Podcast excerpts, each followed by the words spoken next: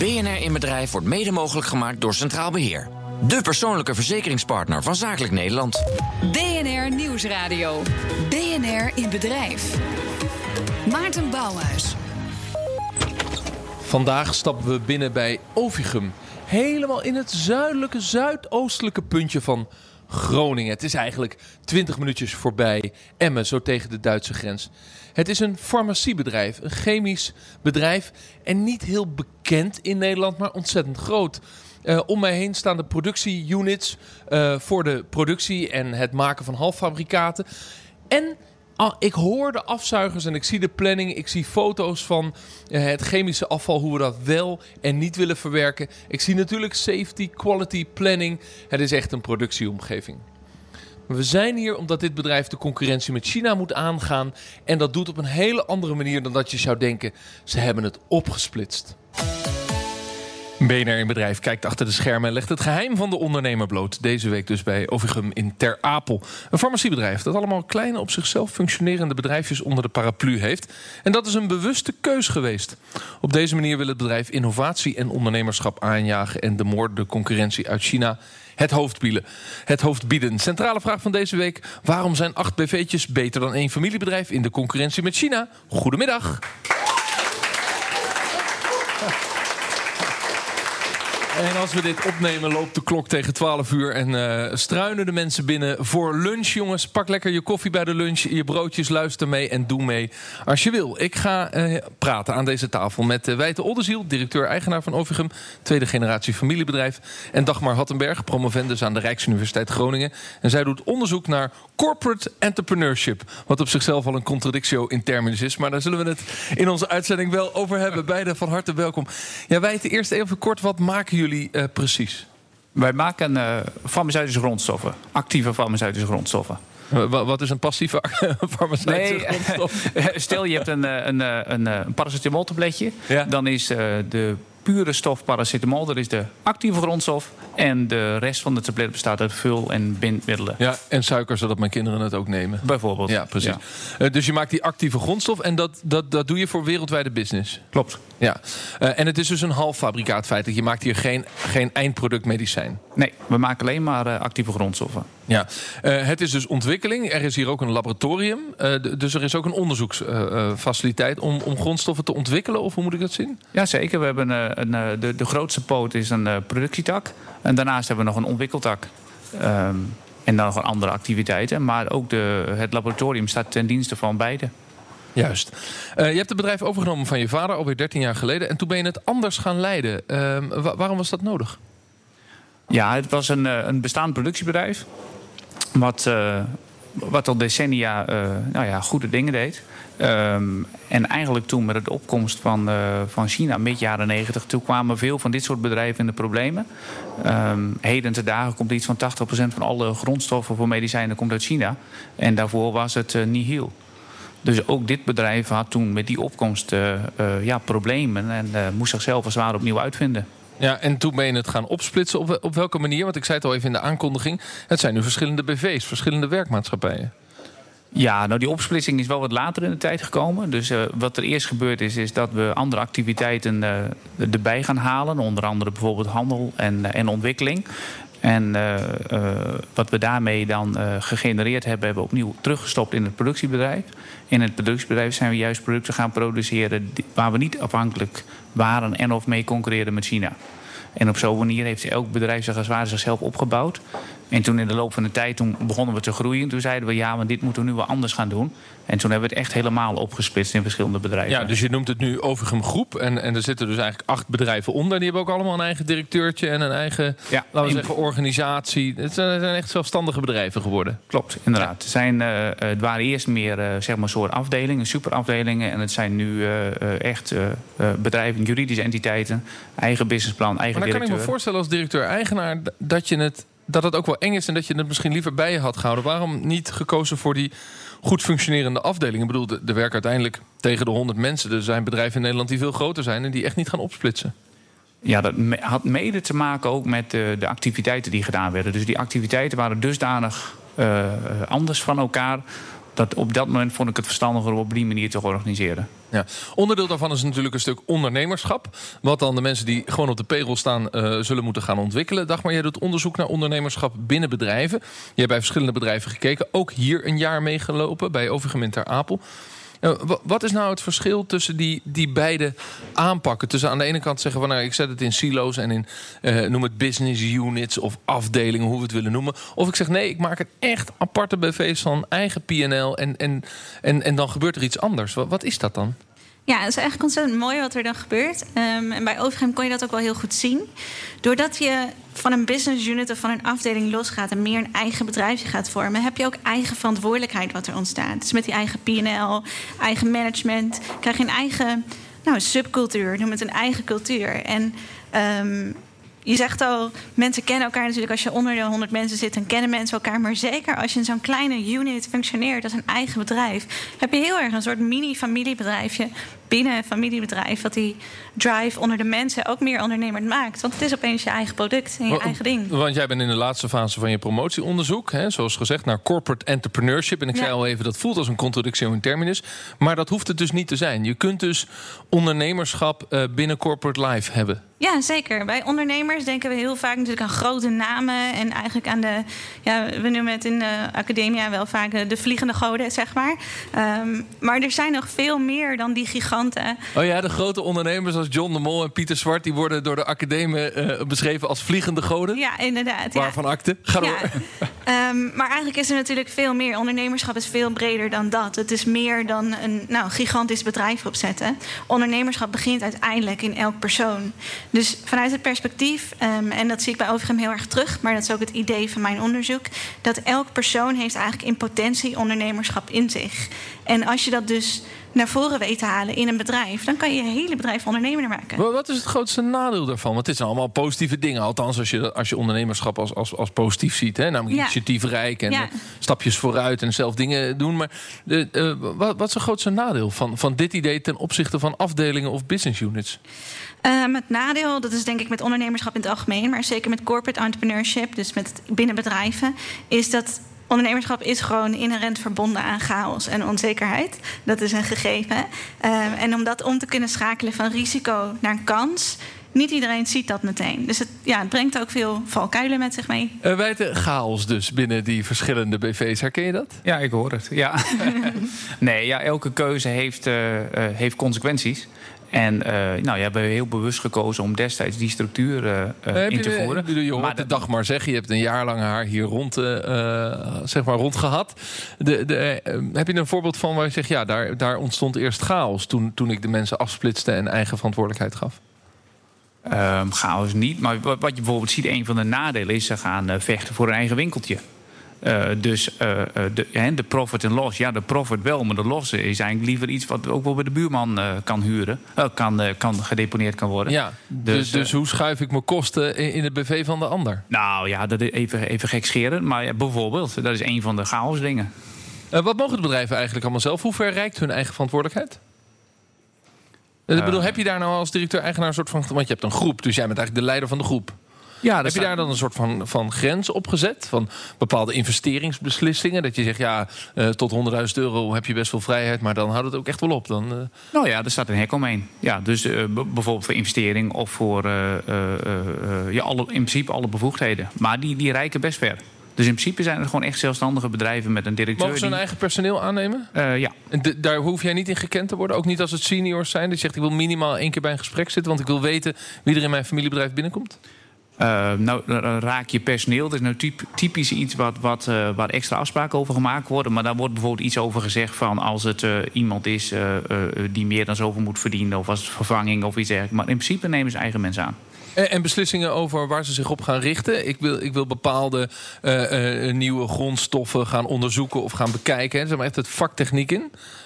daar hebben ze ook volledig eigen bevoegdheid? Uh, om dat te ontwikkelen en dergelijke wel. Vervolgens wordt het uiteraard wel besproken in de maandelijkse MT's die we, die we hebben. En dan wordt er nog een keer geklankbord. Ja, wat heb jij gezien toen je hier een jaar rondliep, hoe dat werkte? Dat samenspel tussen aan de ene kant, uh, dacht maar, die BV's die dus veel zelfstandigheid hadden. Aan de andere kant, ja, ze zitten in de groep. Dus er is ergens een grens aan die, aan die eigen verantwoordelijkheid. Ja, uh, ik denk zelf dat het hier heel erg goed werkt. Kijk, dat brengt natuurlijk altijd een soort spanningsveld met zich mee. Maar er zou niks innovatiefs komen als er geen spanningsveld zou zijn. Dus zo'n spanningsveld is denk ik ook echt wel noodzakelijk. Um, betekent niet dat er helemaal geen strubbelingen zijn. Maar ja, ik denk ook dat dat uiteindelijk leidt juist tot innovatie. Dat kan ik me voorstellen. En onderdeel van het spanningsveld zijn ook de directeurtjes die op de buffetjes worden gezet. Uh, heb je ego's gezien die andere ego's in de weg zitten? Ik zou niet zeggen in de weg zitten, maar je merkt wel. Maar misschien is dat ook wat mooie Gronings hier. Dat mensen ook wel tegen elkaar uitspreken van nou, dat vind ik gewoon pertinent niet. Um, er ontstaat echt wel discussie. Maar op een constructieve manier, vind ik hier. Past het in die zin bij de cultuur? Is het een, is het een Noord-Nederland-Gronings bedrijf wat, wat redelijk no-nonsense is en waarin mensen naar elkaar uitspreken wat ze, wat ze vinden, weten? Ja, dat denk ik wel. Ik weet niet precies wat een Gronings bedrijf is, want we zijn best wel internationaal en we hebben veel nationaliteiten aan het werk. Maar ik denk dat de cultuur wel is van, eh, van erg open in de communicatie, transparant en, en dingen goed uitspreken. Ja, maar jij bent hier geboren en getogen en het, het is jouw bedrijf, dus jij zit er helemaal diep in. Dag, maar is het een Gronings bedrijf? Ja, voor mij, kijk, als buitenstaander, als niet-Groninger, dan lijkt het natuurlijk een Gronings bedrijf. In de zin van, er is inderdaad een no-nonsense mentaliteit. Mensen spreken best wel uit wat ze denken. Um, kan soms op een manier gaan waarvan je denkt, wow, daar moet ik heel even over nadenken wat dat betekent. En dat leidt vaak tot hele constructieve gesprekken. Dus ja, ik vind dat een heel leuk aspect van Groningen. En dus van Ovichem. Is het eigenlijk, Wijten, um, uh, heel erg jouw kindje, dat idee van die, van die opsplitsing? Want je omschreef al even van hoe het ontstaan is. Hè, dat je wat dingen erbij ging halen om, die, om te, te kunnen overleven. En uiteindelijk werd dat verschillende bedrijven. Maar is er op een gegeven moment iets geweest dat je ergens iets gelezen hebt... of een ander bedrijf hebt gezien waar je zegt... ik moet die kant op, dat is de oplossing? Ehm, ja, zo gaat dat. Je worstelt dan met, met bepaalde problemen als, uh, als, als ondernemer. En op een gegeven moment uh, dan, nou, lees je een keer een boek in een vliegtuig, bij wijze van spreken. En dan denk je, verrek, dat is, ook wel een, uh, dat is ook wel een idee om het zo te doen. Maar een kindje, nee, het is gewoon een volgende stap in het proces van het bedrijf. Ja, of vind je van jezelf dat dat toch een heel Gronings bedrijf is... doordat je daar op zichzelf ook weer heel nuchter over doet? Nee, nee, nee. Maar ik zie je, kijk, de continuïteit van het bedrijf, daar gaat het me om.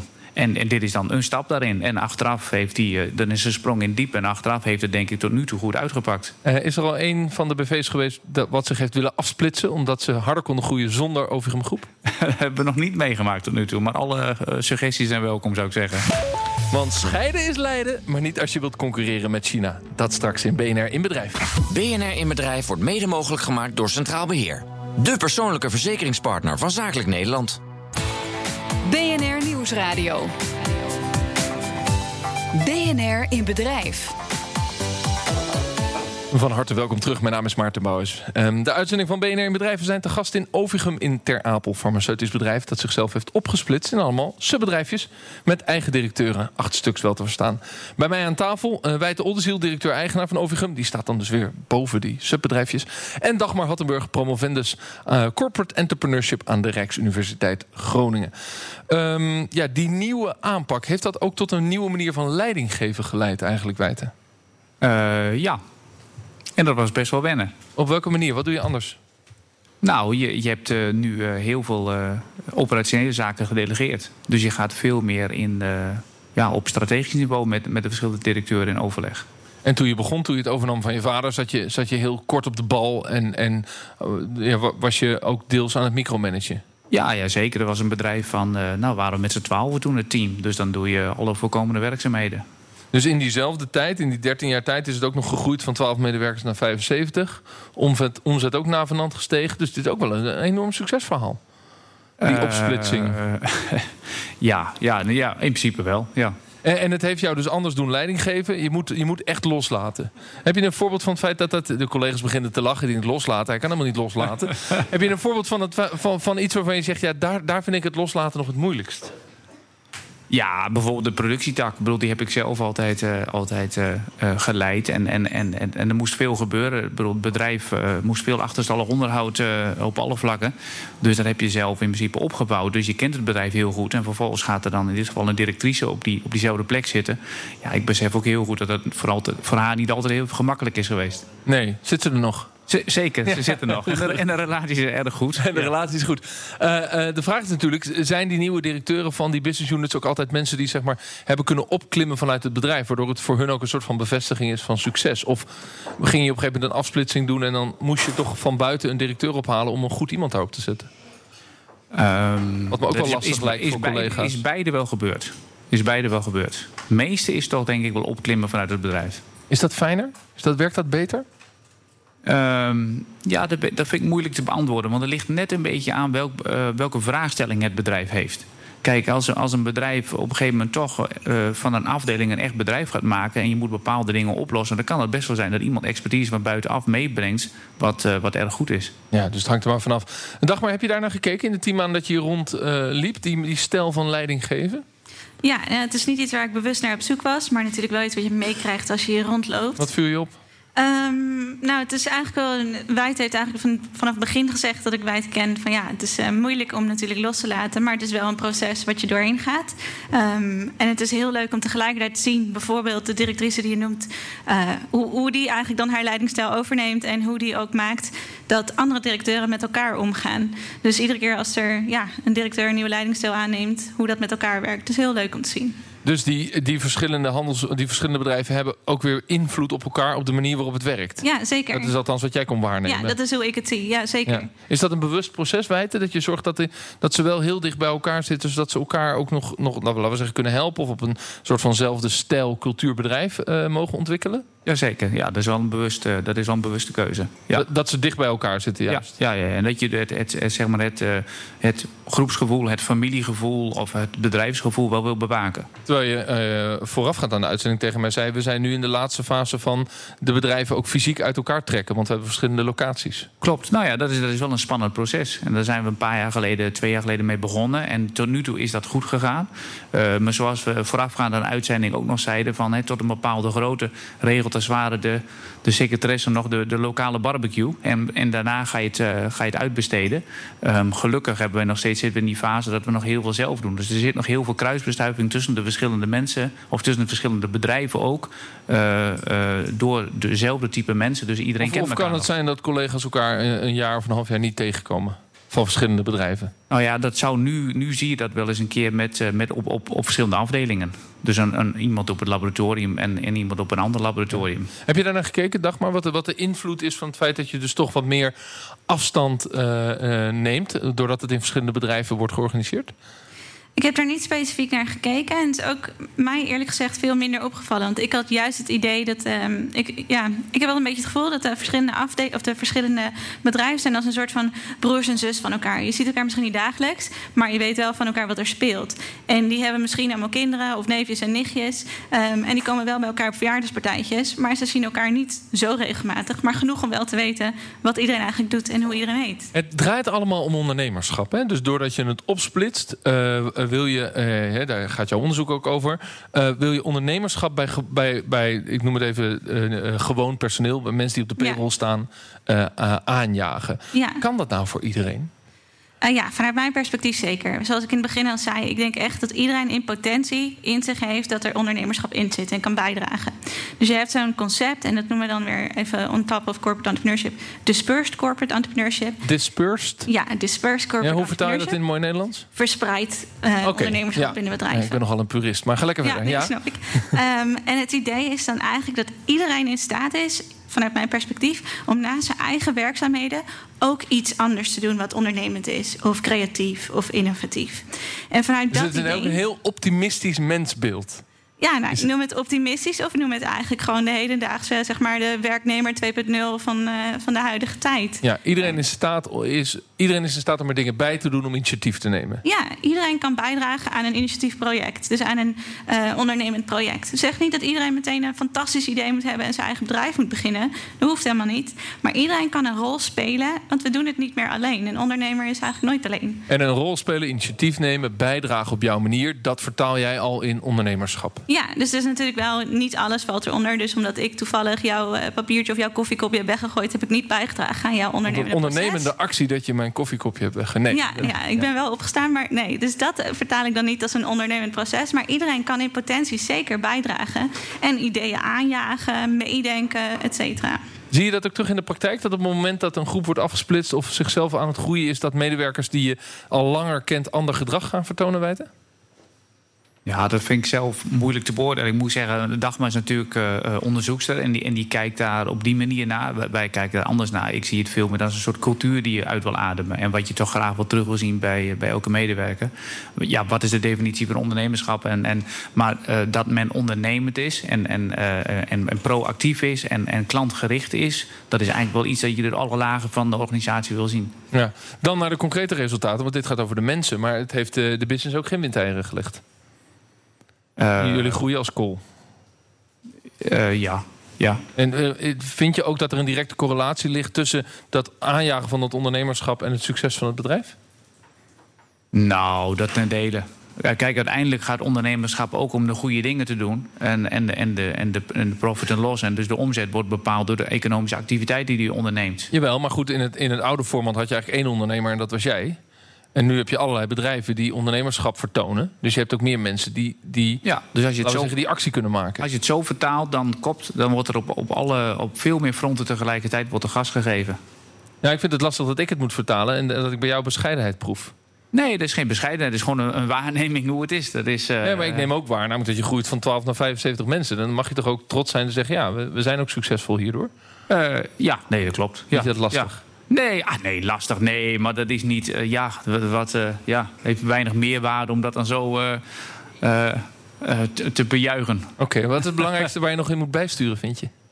Waar ik je nog bij ja, waar je moet bijsturen. In de organisatie. In de fase waar je nu zit. In, deze, in dit ondernemende bedrijf. Wat is het belangrijkste waar jij moet bijsturen? Oh, om in ieder geval alle, alle, zeg maar, alle kikkers in de, in, de, in de kruiwagen te houden. want mensen zijn ook zo initiatiefrijk dat ze weggaan? Nou, nee, dat, nee, ik, bedoel, ik bedoel niet. Nee, nee, nee, zo bedoel ik het niet. Ik bedoel meer van je krijgt dus je gaat dus inderdaad ondernemerschap uh, bij de verschillende business units, bij de verschillende directeuren. Maar die, uh, dat moet wel in het belang nog steeds zijn van het bedrijf. Ja. Dus nog, dat nog iets anders. Uh, je zit in de medicijnproductie, in de halffabrikaten voor medicijnindustrie. Daar zitten ongelooflijk strenge regels op, wereldwijd. Over hoe je procedures moet volgen, hoe je dingen moet maken, hoe je moet verhandelen, hoe je met afval om moet gaan. En noem het maar op. Mm -hmm. Uh, ligt daar een uitdaging? Ik bedoel, vaak in branches waar grote nieuwe regels komen... en veel regels zie je consolidatie. Hè? Dan zie je dus steeds grotere bedrijven komen... dat ze zeggen, ja, we kunnen het eigenlijk juridisch niet meer aan. In de verzekeringsindustrie zie je dat bijvoorbeeld. Om, uh, om als kleine verzekeraar om dat allemaal te bolwerken. Ik kan me voorstellen dat het in de medicijnindustrie ook een beetje zo is. Is dat lastig? Dat je nu acht BV's hebt met heel veel eigen verantwoordelijkheid en PNL's... maar tegelijkertijd moeten die wel allemaal voldoen aan de strenge eisen van de medicijnindustrie. Uh, ja, het antwoord erop is tweeledig. Uh, uh, bepaalde zaken worden op groepsniveau geregeld, onder andere kwaliteit. Net zoals HR, financieel, uh, IT. Dus het, het, borgen van kwaliteit als zeg maar, een soort hygiënefactor, dat wordt op groepsniveau gedaan.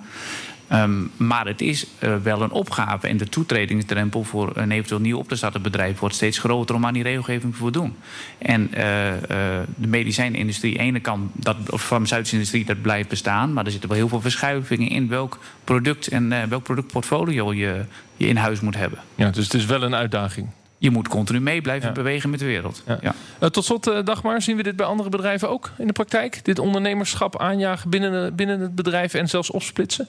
Ja, ik vind wel dat je het meer terugziet. Zeker het opsplitsen is nog niet zo gebruikelijk. Is ook natuurlijk moeilijk om te vertalen naar bijvoorbeeld grotere bedrijven. Hoewel het wel kan. Denk bijvoorbeeld aan ING, die op een gegeven moment uh, Tribes ging ontwikkelen. Um, maar het is wel iets waarvan ik denk dat het steeds meer komt, waar we steeds meer over horen. En wat wel past bij de hedendaagse tijd. Ja, dus je denkt dat dat wel doorgaat. En nog een jaartje, dan is je promotie klaar, geloof ik, hè? Ja, klopt. Mooi, mooi, mooi. Uh, goed, um, centrale vraag van deze uitzending. Waarom zijn acht BV'tjes nou beter dan één familiebedrijf in de concurrentie met China? Antwoord op de vraag. Uh, veel meer medewerkers die initiatief nemen en die ondernemerschap laten zien. Die uh, zelf de markt op gaan, de boer op gaan. Een eigenaar die los moet laten. Dat volgens mij best wel met succes doet. Hoewel personeel, daar zijn aparte afspraken over gemaakt. En dat kan ik me dan ook wel weer voorstellen. Maar uiteindelijk, onder de streep, levert het ook heel veel op. dank wij te directeur-eigenaar van uh, Ovigum... en uh, Dagmar Hattenberg, promovendus Corporate Entrepreneurship... aan de Rijksuniversiteit Groningen. Dat was hem alweer, BNR in Bedrijf voor deze week. Volgende week zijn we er natuurlijk weer. Dan zijn we te gast bij Olieslager, hier eigenlijk vlakbij in Emmen. Een verfgroothandel die zich steeds verder ontwikkelt als vastgoedadviseur. Nou, daar wil ik alles van weten. Wil je erbij zijn? Mail ons dan eventjes in bedrijf.bnr.nl. Bedankt voor het luisteren. Tot volgende week. Dag. BNR in Bedrijf wordt mede mogelijk gemaakt door Centraal Beheer. De persoonlijke verzekeringspartner van Zakelijk Nederland.